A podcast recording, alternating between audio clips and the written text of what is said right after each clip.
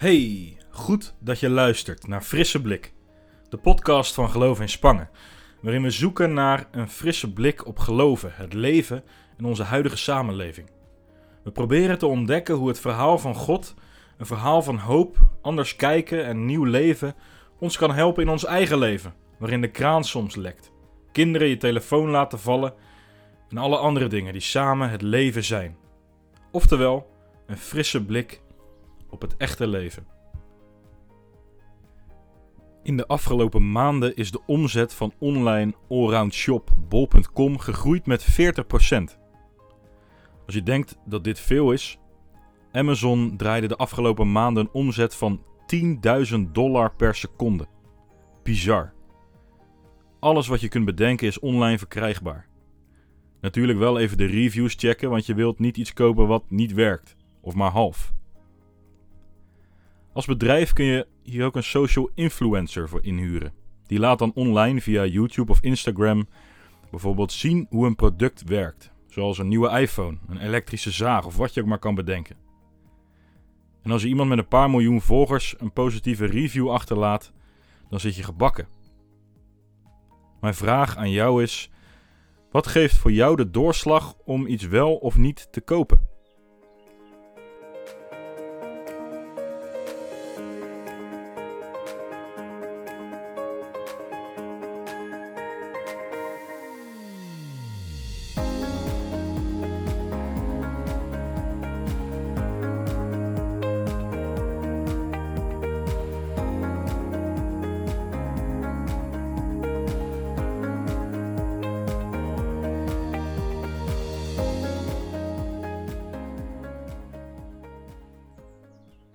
We vallen vandaag midden in een toespraak van Petrus, waarin hij als het ware een review geeft op Jezus.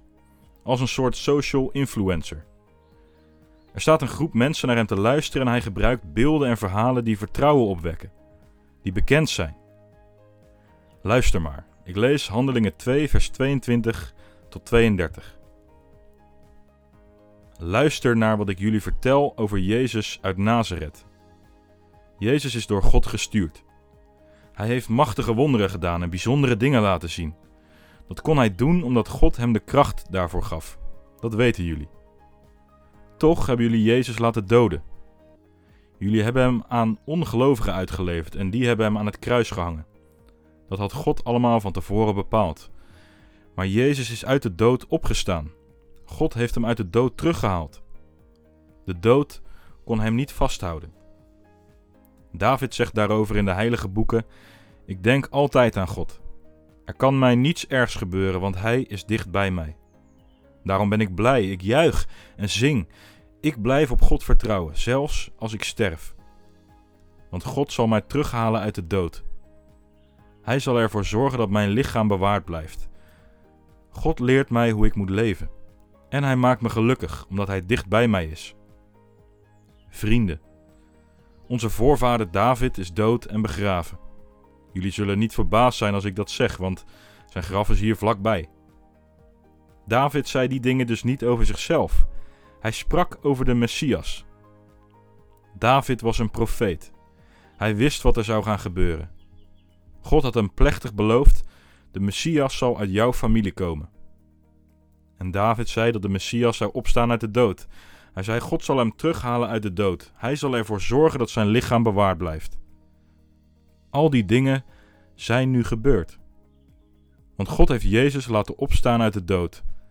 Wij hebben Jezus zelf gezien. Als Petrus het goede nieuws aanprijst, verwijst hij naar een influencer die veel impact had in zijn omgeving: David. Misschien ken je hem wel van het verhaal van David en Goliath. Maar David heeft nog veel meer gedaan.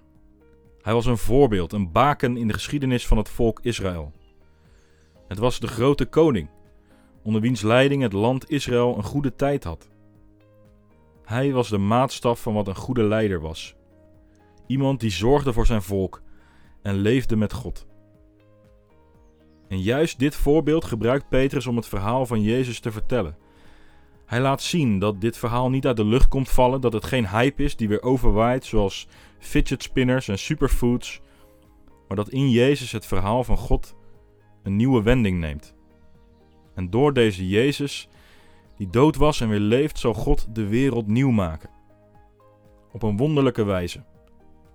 Anders dan de mensen die naar Petrus staan te luisteren waarschijnlijk verwachten. Geen grote schoonmaak, waarbij de Romeinse onderdrukker uit het land verdreven werd. Niet Israël bovenaan de voedselketen van de volken.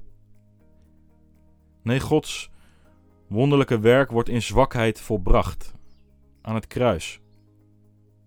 Dat maakt dat je verwachting over wat geloven je brengt, wat Jezus volgen betekent, soms bijgesteld moet worden.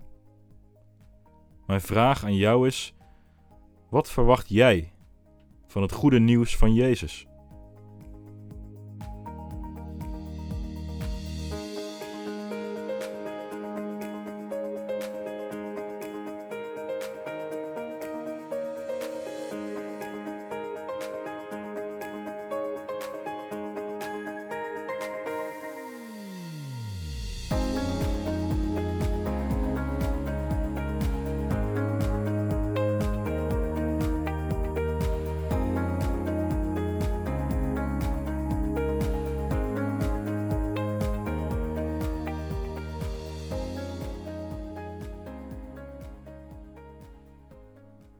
Laten we bidden.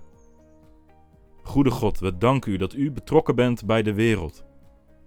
Misschien anders dan wij denken of willen of hopen, maar u maakt iets nieuws. Open onze ogen voor waar uw geest waait en werkt, en help ons om op te staan en mee te werken. Vul ons met uw geest, elke dag opnieuw. In Jezus' naam. Amen.